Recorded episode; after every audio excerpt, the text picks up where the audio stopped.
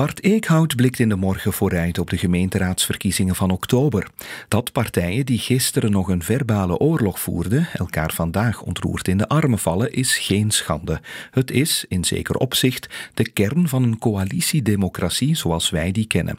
Het vreedzaam oplossen van meningsverschillen door het smeden van akkoorden met de steun van de meerderheid van de bevolking. Wat wringt is dat de lokale kartels die nu overal de kop opsteken, een voorafname doen op het democratie oordeel van de kiezer. De kartels beperken de keuze, ze maken die zelfs bijna overbodig. Die kartels ontstaan niet uit de gemeenschappelijke visie op stad of gemeente, ze zijn er omdat burgemeesters of kandidaat-burgemeesters zich willen verzekeren van de macht. En de Vlaamse regering schaft ook de opkomstplicht bij lokale verkiezingen af en stimuleert de feitelijke coalitievorming voor de lokale verkiezingen. Tweemaal wordt zo de inspraak van burgers in het verkiezingsproces ingeperkt. Los van de stembusresultaten is dat alvast een nederlaag voor de democratie. Een gelijkaardige analyse bij Yves Lambrix in het Belang van Limburg. Veel meer dan ideologie zijn een gemeenschappelijk project en een zitje in het nieuwe bestuur het smeermiddel voor deze monster verbonden. En de burger, die staat erbij en kijkt ernaar. Gesterkt door de afgeschafte opkomstplicht zullen kiezers afhaken, omdat ze het gevoel hebben dat de kaarten toch al zijn geschud en hun stem niets uitmaakt. Anderen zullen een proteststem uiten, niet in het minst op extreme partijen. Dit is ronduit nefast voor een politiek niveau waarin burgers vandaag nog enigszins vertrouwen hebben. Vlaams minister van Omgeving Zoal Demir zet een kruis over een miljoenenproject aan de kust.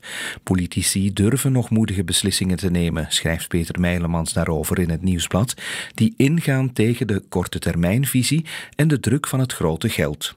Als het van Demieren afhangt, wordt een vroegere camping in De Pannen geen toeristisch megadorp, maar mogen de duinen hun oorspronkelijke plaats herwinnen. Geen 250 vakantiehuisjes betekent dat. De Pannen, die extra tweede verblijvers dreigt te verliezen, is niet gelukkig. Nochtans zou het lokale bestuur, net als dat van alle andere kustgemeentes, moeten beseffen dat om kwaliteitstoerisme te lokken, alles volbouwen de verkeerde keuze is. Sinds corona is een open ruimte een van de belangrijkste eisen geworden van de toerist. Om als haringen in een ton te zitten, daar passen ze voor. Met de beslissing van Demir wordt iedereen op termijn beter, behalve de betonboeren. In het laatste nieuws fileert Dimitri Antonissen de nieuwe parkeerregeling voor SUV's in Parijs. En als het regent in Parijs, dan druppelt het in Brussel. Maar laten we hopen dat de trend van een afgunstbelasting niet naar hier overwaait. Want uiteindelijk is de beslissing om SUV's drie keer hogere parkeertarieven te laten betalen vooral dat. Gaan milieu en verkeersveiligheid iets merken van de hogere parkeertarieven? Sowieso zijn er een boel uitzonderingen. Het is dan ook maar de vraag of wie zich dit type auto kan veroorloven, zijn gedrag gaat veranderen omdat er occasioneel wat meer parkeergeld betaald moet worden. Meer dan een democratische of ecologische wordt het zo een economische overwinning voor de Parijse stadskas. Het parkeergeld op deze manier optrekken is een botinstrument, meent Bart in de tijd.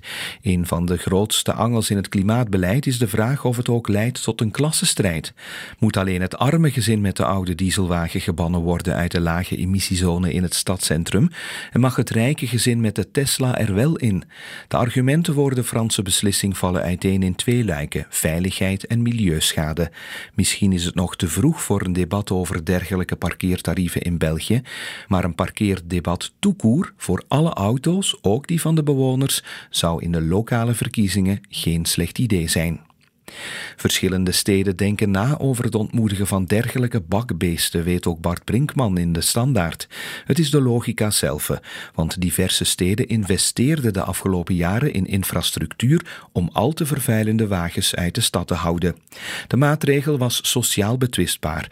Niet iedereen kan zich een emissiezuinige auto veroorloven, maar ze sorteerde effect. De luchtkwaliteit ging erop vooruit.